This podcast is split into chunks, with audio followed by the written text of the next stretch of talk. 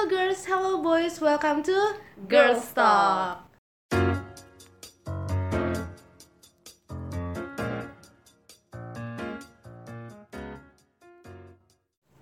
Jadi di podcast kali ini seperti kalian udah denger di opening awal, gue nggak sendirian. Gue sama temen gue yaitu Vena. Halo guys, kenalin nama gue Vena. Kalian bisa follow gue di Instagram @vena_prssa. Jangan lupa follow ya. Uh, jangan lupa juga follow IG gue di @kalistavio buat kalian mau cerita di DM atau kalian bisa juga uh, kirim ke email di kalistavio@gmail.com. Jadi di podcast gue kali ini kita bakalan ngomongin tentang toxic, dan abusive relationship. Uh, menurut lo toxic relationship itu kayak gimana?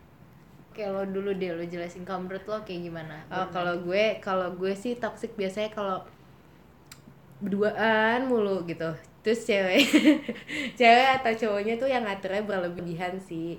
Terus bikin yang mepet aja terus tuh. Itu menurut gue toxic tuh. Terus kayak melarangnya berlebihan ya. Kenapa gue ngulang-ngulang lagi? Ya, intinya itu sih. Kalau lo gimana? Kalau menurut gue toxic relationship itu di mana uh, apa ya cewek dan cowok yang jalanin satu hubungan ini tuh udah kayak apa ya melakukan uh, bukan melakukan intinya dia menjalankan satu hubungan tapi seakan-akan uh, hubungan ini tuh dipaksa gitu akan sesuatu hal satu dengan lain hal di mana lu mau nggak mau harus perjuangin tetap jalanin hubungan ini. Padahal sebenarnya hubungan ini udah nggak pantas untuk dipertahanin lagi waduh ini nih kayaknya ahlinya nih. Bukan ahli gue pakar. Oh serem juga ya. Waduh kita berbicara dengan pakarnya di geng. Oke, kalau abusive sendiri gimana kalau menurut lo? Kalau abusive sendiri, jujur gue belum tahu meaningnya apa, tapi berdasarkan dengan pengalaman hidup gue ya intinya di saat salah satu dari pasangan uh, yang menjalankan hubungan ini melakukan tindak kekerasan di mana tidak sepantasnya gitu di mana lo tuh menjalankan hubungan yang harusnya saling sayang, saling mengasihi, saling menyayangi, bukan untuk menyakiti satu sama lain. Lo pernah mengalami hubungan toksik gak selama ini? Pernah. Paling parah kayak gimana? Definisi toksiknya itu adalah menurut gue di saat gue kayak lo tadi jelasin, gue tuh bisa um, spend time sama cowok gue itu hampir uh, empat slash tujuh ya. Apa tuh dua empat tujuh gitu? dua empat tujuh ya intinya hampir almost setiap hari. Kayak nggak ada gap antara uh, waktu untuk teman waktu untuk pacar waktu untuk keluarga. Hampir semuanya gue luangin cuma buat pacar dikarenakan uh, yaitu perasaan takut gue di mana kalau misalkan gue nggak spend time waktu sama dia dia bakal ngerasa gue tuh uh, udah nggak sayang sama dia kah? Atau gue nya jadi kayak hmm, apa ya yang ngerasa bersalah aja gitu. Hmm. setiap gue nggak spend time waktu sama dia. Tapi pernah lo nggak spend time waktu sama dia? Pastinya pernah dan itu gue harus bohong. Dan ketahuan bohong nggak? Gue itu orangnya jujur banget di mana gue tuh di saat uh, gue udah bohong sekalinya gue udah bohong -hmm. gue uh, ketahuan atau enggak gue yang biasanya nyoplos duluan. Jadi gue kayak jujur sama dia kayak uh, oh iya kemarin tuh aku kayak gini gini gini aku sama teman-teman aku aku jalan aku ke rumah ini kayak gini. Terus, terus akhirnya gimana? responnya ya itu pasti nggak apa ya nggak nggak nggak sebaik yang gue harapkan responnya kayak gitu. Hmm, gitu terus biasanya gimana gitu? Respon dia bakalan marah kah? Atau biasanya dia bakal ngajakin ketemuan di mana ketemuannya itu menurut gue uh, bukan menyelesaikan masalah tapi malah dia bikin masalah itu makin panjang dengan contohnya cara, contohnya dengan cara ya dia nanya maksudnya kenapa kayak gitu? Uh, kok nggak bilang? Ya padahal kalaupun kita bilang nggak akan, akan diizinin ya. izin ya itu.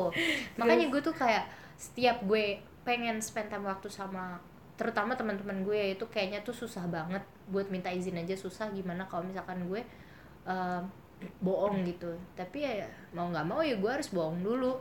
Ya kan nanti yang penting udah diizinin walaupun endingnya bakal berantem dulu nyesain masalahnya agak panjang tapi ya yang itu biasanya kalau nyelesain masalah kayak gitu butuh waktu berapa lama? Butuh waktu berapa lamanya? Nggak lama sih. Seenggaknya setengah jam satu jam. Intinya berantem baikan baikan kayak gitu. Kalau dari toxic relationship itu sama pasangan lo sebelumnya itu langsung ke abusive atau sama beda orang? Maksudnya gimana? Jadi eh, bisa aja kan kita ada di satu hubungan yang toxic relationship nah terus tiba-tiba ke abusive. Atau ngerti kan lo maksud gue? Ngerti gak jadi misalnya lo ada di toxic relationship nih. Uh-uh. lama-lama kan lo nurutin apa kata dia dong di toxic relationship. Lo ngikutin semua apa kata dia lo mau ke mana sama dia. Terus tiba-tiba dia jadi se- seenaknya sama lo terus malah berujung ke abusive relationship. Jadi menyatu gitu. Lo ada di hubungan itu atau di toxic relationshipnya sama beda pasangan beda sama pacaran beda Oh. atau sama orang gitu loh dia dengan orang yang sama oh dengan orang waduh mantap jiwa. Iya jadi untuk pertama kalinya jadi gue itu kan uh, buat dibilang pacaran itu uh, nggak nggak punya pengalaman banyak lah ya. Yang pertama gue pa- pacaran sama orang di mana itu tuh gue kelas 6 SD menuju SMP dan itu udah kayak pacaran monyet lo tau lah yang cuman sekedar kayak ya udah pacaran kayak gitu dan gue ditinggalin. Waduh, yang waduh. kedua gue pacaran lagi sama orang pas gue SMP udah mau lulus itu bener-bener menurut gue kayak pacaran terlama gue setelah yang sebelumnya. Di sana itu gue belajar banyak maksudnya dia juga kayak orangnya baik-baik aja gitu kan nah udah nih nggak ada masalah maksudnya ya putus ya udah kelar putus tapi yang ketiga ternyata gue mendapatkan terlalu banyak pelajaran yang bisa gue pahami dan gue pengen banget bisa sharing sama kalian semua supaya kalian tidak terjerumus di dalam satu masalah yang sama wah apa tuh apa tuh apa tuh Jadilah. Kayak- lo menonton Jiwa. bayaran ya kayak menonton bayaran jadi gue tuh pengen gitu kalian sebagai wanita kalian sebagai cewek harus bisa namanya memilih dan memilah cowok. Kenalan tuh jangan cuman sekedar satu bulan satu minggu satu hari. Sehari wah itu tuh apa ya? Memang butuh waktu yang agak lama. Emang mungkin ada kadang perasaan yang kayak aduh gue pengen banget pacaran sama dia dia tuh orangnya baik dia tuh ini. Terus kalau misalkan gue nggak cepet-cepet dapetin dia nanti dia bakal sama orang lain. Itu perasaan pasti bakal ada gue yakin Of sebagai course. cewek. Cuman dengan ketidakmatangan yang ada di saat lo tidak berpikir secara panjang ini orang cuma baik doang lo nggak mikirin bibit bebet bobotnya.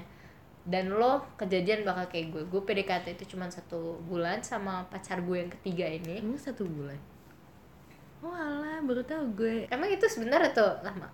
Eh, sebenarnya sih terhitung sebentar sih ya. Menurut gue kalau agak lama tuh tiga kalau misalnya PDKT kalau menurut gue sendiri ya paling cepet tuh tiga bulan ya.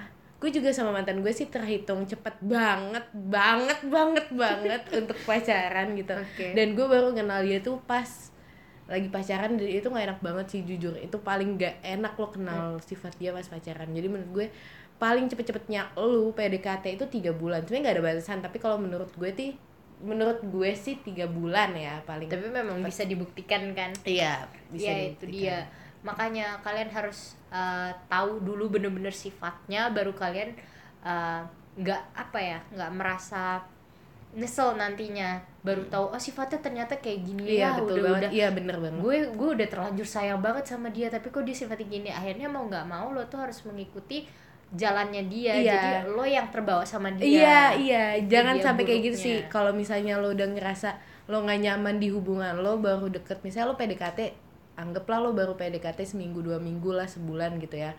Terus pas lo jalanin sebulan dua bulan pacaran ternyata sifatnya nggak sesuai sama awal lo PDKT, mending udah deh tinggalin aja dibanding kelamaan Tuh. itu makin sakitnya tuh eh gitu loh bertubi-tubi gitu menurut gue sih gitu sih Iya. kalau masalah lo gimana nih lo berapa lama hubungannya nih sama nih mantan lo gue itu PDKT satu bulan em, sayang.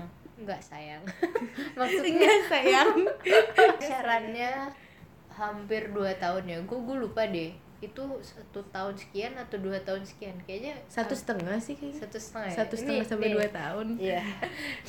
Se sekitar segitulah satu tahun lebih sebulan. Gue merasakan perbedaan sifat dia itu di saat gue masuk eh, ke sekitar 5 atau enam bulan dia baru mulai berubah. Di mana gue ngerasa eh, dia mulai nunjukin sifat beraninya ke gue dalam arti beraninya itu kasar gitu. Dia bisa main tangan sama gue dia berani bentak gue. Bahkan orang tua gue pun main tangan tuh nggak akan pernah berani gitu. Terus eh, paling apa sih main tangannya tuh paling parah lo diapain sih Eh, gue nggak bisa bilang paling parah ya tapi gue tuh orangnya kalau gue ditabok gue balas tabok. Dia oh di, mukul. dibales-bales ya? Iya, gua- Eh, gua- jambak-jambakan kayak cewek Iya, gitu. dia berani jambak gue gue jambak dia balik kayak gitu loh.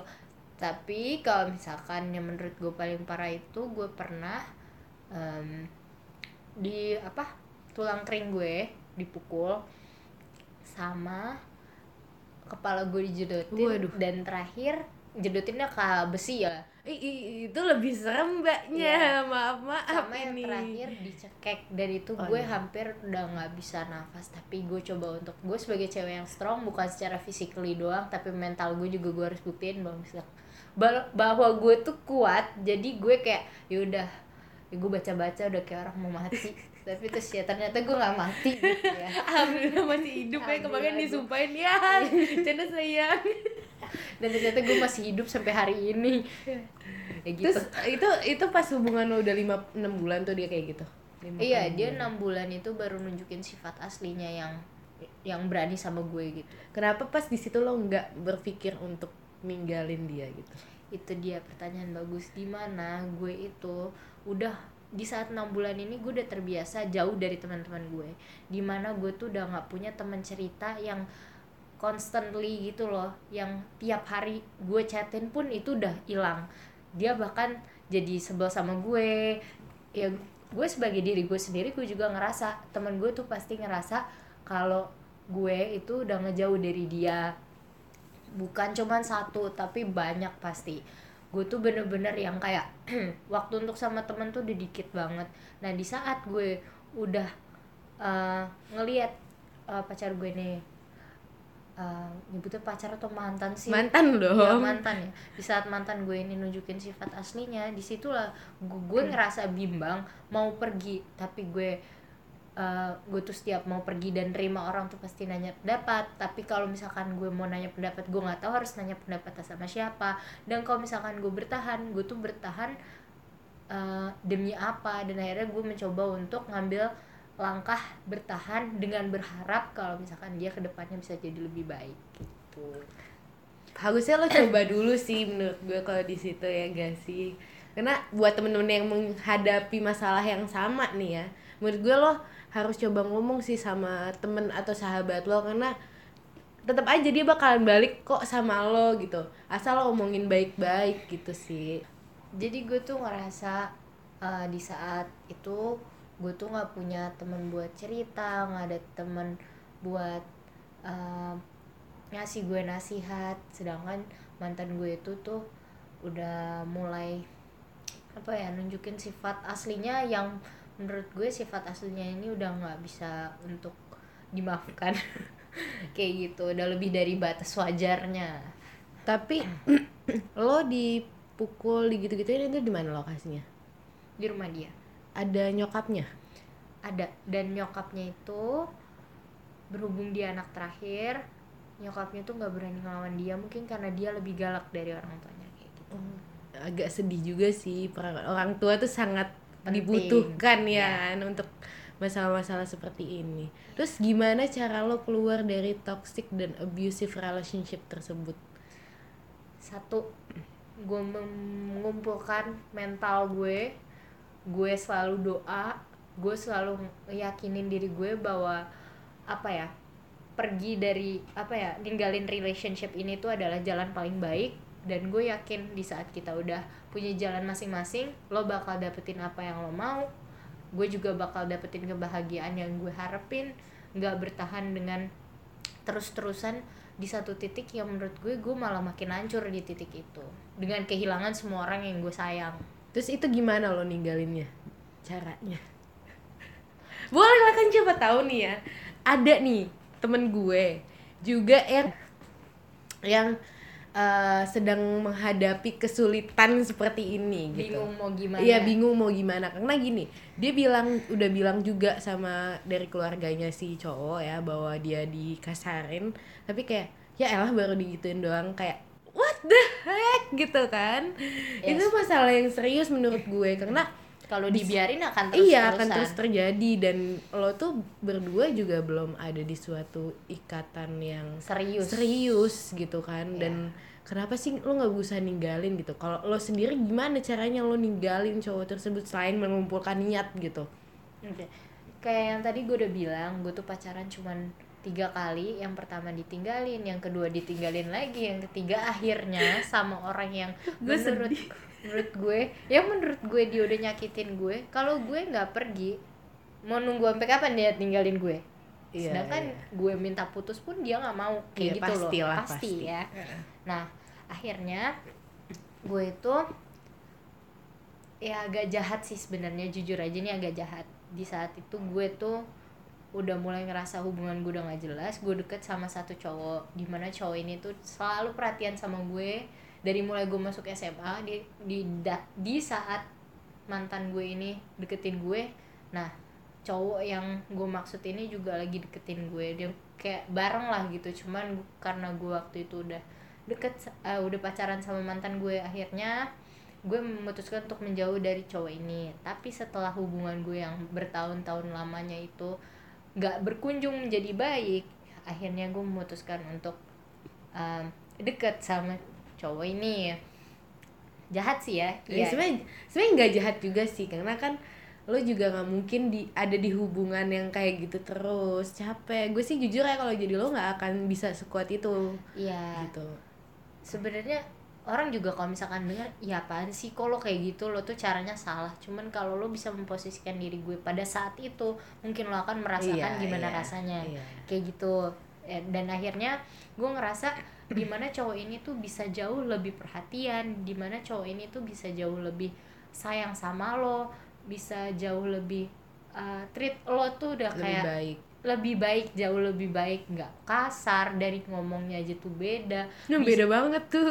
bisa bisa ngajak lo jadi uh, apa ya pribadi yang lebih baik. Ya jadi orang yang lebih baik dan orangnya juga lebih apa ya santai gitu. Bukan satu satu orang yang keras kepala yang ngatur hidup lo yang kayak gini kayak gitu. Itu yang akan bikin lo bete. Dan akhirnya gue memutuskan untuk deket sama dia.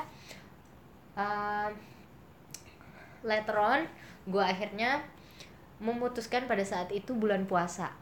Ya kalau gue gue mikir kalau kejadian ini nggak nggak terjadi mungkin gue nggak akan ada di titik ini gue nggak akan lepas dari dia gue nggak akan pergi dari hubungan itu.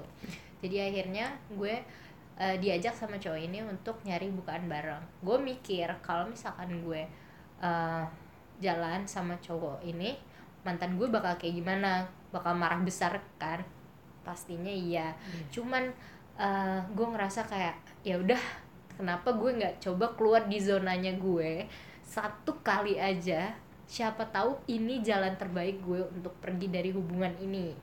Dan akhirnya gue iyain waktu itu jam 4 gue inget banget gue dijemput. Detail loh detail Iya, loh. karena ini gue inget banget gue jam 4 dijemput kita akhirnya jalan ke daerah um, Tebet. Jakarta Selatan ya Tebet. Kita mau beli makan akhirnya udah beli makan segala macam kita balik dan di eh, di jalan balik itu gue ngerasa gak tahu kenapa gue tuh nggak nyaman gue deg-degan.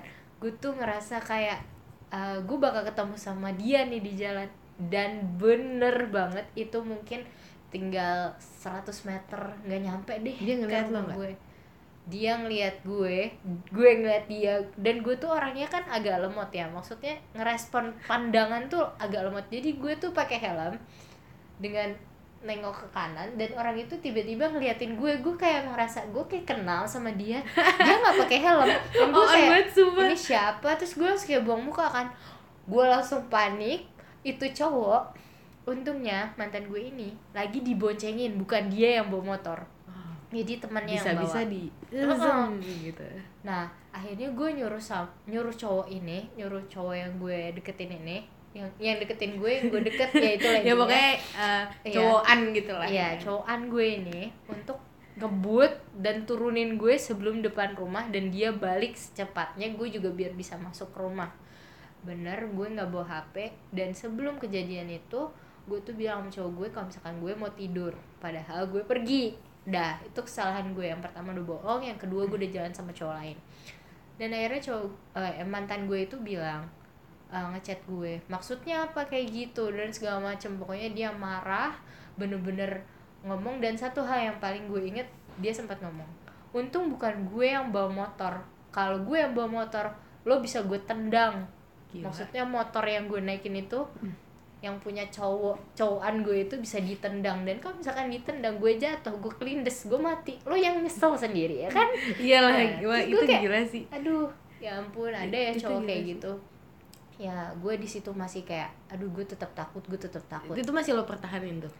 Itu di situ gue udah mulai enggak sih udah mulai ngejauh bener-bener ngejauh yang kayak coba untuk bener-bener nggak bales dia atau nggak minta putus berulang kali yang kayak gitu. Cuman dia tetap tahan tahan tahan dan akhirnya gue bilang gue lupa waktu itu hari apa tanggal berapa yang jelas gue di di satu titik gue mulai merasa bahwa ini cukup ini cukup ini cukup. Dan akhirnya gue bilang alasan gue kenapa nggak mau tahan lagi gue udah nggak tahan dengan um, hubungan yang kayak gini akhirnya gue chat panjang banget dengan segala alasan seribu alasan gue. Dan gue ngeblok akun dia semua akun dia. Instagram dia uh, lainnya dia nomor teleponnya dia pun gue blok. Nomor orang tuanya juga gue blok kalau bisa.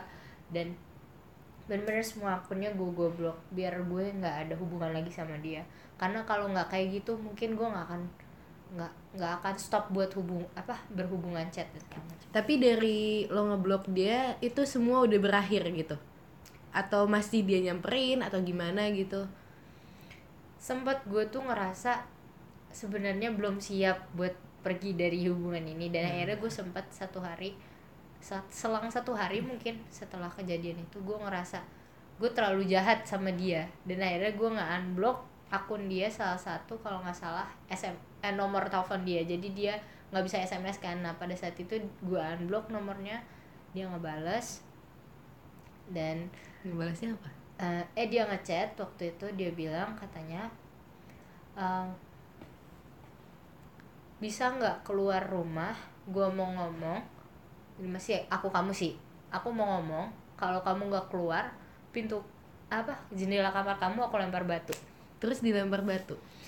Gue karena takut gue keluar. Ah what the heck? Terus? Karena gue nggak pengen uh, apa namanya dia bermasalah. Maksudnya sampai seberani itu ngelakuin itu gue gue gue menghindari itu sampai kejadian beneran dan akhirnya gue keluar ngalah. Dan ternyata bener gue dibawa ke rumah dia lagi gue diajak ngomong untuk yang kayak uh, dia minta maaf dan segala macam tapi tetap gue kekeh dan akhirnya ya udah berantem lagi lah main tangan lagi dan segala macam demi apa? Itu masih bisa main tangan dia kayak masih gitu? bisa main tangan. Dan akhirnya gue saat itu bener-bener pakai strategi yang bener-bener handal. Gue iyain gue minta gue maafin dia. Gue bilang iya kita balikan biar gue bisa pulang.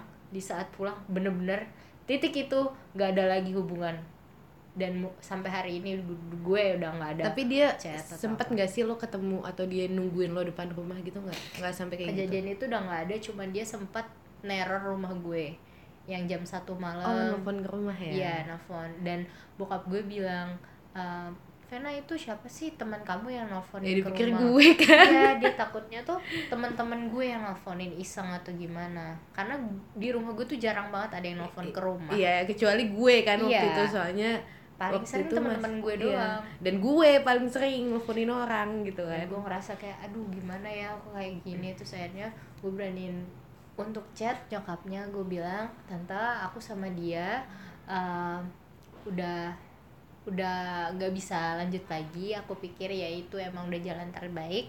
Dan aku minta tolong tolong bilangin dia jangan nelfon jam satu malam jangan ganggu karena itu udah ngeganggu keluarga aku juga papa aku juga udah sampai bilang "Eh, tolong bilangin temen-temen kamu yang kalau nelfonin malam-malam tuh jangan kayak gitu karena itu kayak nggak ada aturan kayak gitu. Dan akhirnya alhamdulillahnya satu hari dua hari doang lah pas satu hari itu udah nggak kejadian lagi dan gue ngerasa hidup gue udah mulai agak tenang gue ngerasa udah mulai uh, semuanya membaik dan gue udah bisa apa ya ngerasain Terima. ngerasain dan nerima semuanya kayak gitu ngerasain kebahagiaan juga gitu. Ya, jadi buat temen-temen ya yang ada di toxic atau abusive relationship mendingan buru-buru keluar dari sekarang ya gak sih? iya lakuin sekarang atau enggak lo bakal nyesel Iya, selamanya karena makin lama juga lo nggak bakalan bisa bisa lepas gitu gak sih? Atau enggak sebenarnya bisa lo lepas, cuman lo nya yang nggak mau, lo nya yang terlalu mikir nanti gue sama siapa, nanti gue apa? Itu gue yakin gue yang nggak ada di hubungan abusive atau toxic relationship aja sometimes berpikir yang kayak gitu gitu. Gue udah gue udah nyaman di posisi gue sama dia gitu kan. Masa gue tiba-tiba lepas? Tapi kalau misalnya nggak lepas ya lo bakalan berakhir kayak gitu terus nggak akan ada ujungnya yang ada yang sakit tuh lo terus ya nggak sih iya betul ya kalau lo takut konsekuensinya misalnya dia kenal sama keluarga lo takut disamperin gitu kan ya lo ngomongin baik-baik sama keluarga lo bilang aku udah nggak bisa kalau lo emang nggak mau cerita bahwa lo ada di hubungan toxic dan abusive ini lo mendingan bilang aku bener-bener udah nggak bisa sama dia gitu dengan alasan lo apa kek pengen fokusin kuliah lo belajar lo tapi lo di sini bener-bener harus fokus setelah itu ya nggak sih. Jangan cuman ngasih alasan tapi habis itu lo jadian sama orang lain. Kalau emang lo mau ngasih apa mau ngasih alasan seperti itu ya mendingan lo fokus dulu sama belajar lo. Lo boleh kenal sama orang lain tapi tidak untuk menjalankan hubungan baru. Mendingan lo istirahat dulu gak sih? Ya istirahatin diri lo hati lo segalanya.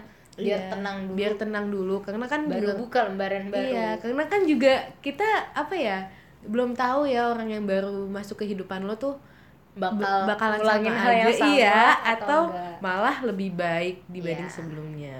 Itu dia Ya udah sekian. eh terima kasih presentasi dari kami lo pikir lagi kuliah. Sekian podcast gue kali ini. Semoga kalian suka dan bermanfaat. dan satu lagi di Apa saat nih? lo udah ada di titik ini carilah cara terunik ter Beda keren terbeda yang nggak pernah lo lakuin lakuin aja gue yakin Harus lo bakal berani. lo, lo harus berani Iya, diri harus lo berani. sendiri ya Gitu. intinya itu pokoknya ya jadi sekian see you on my next podcast bye bye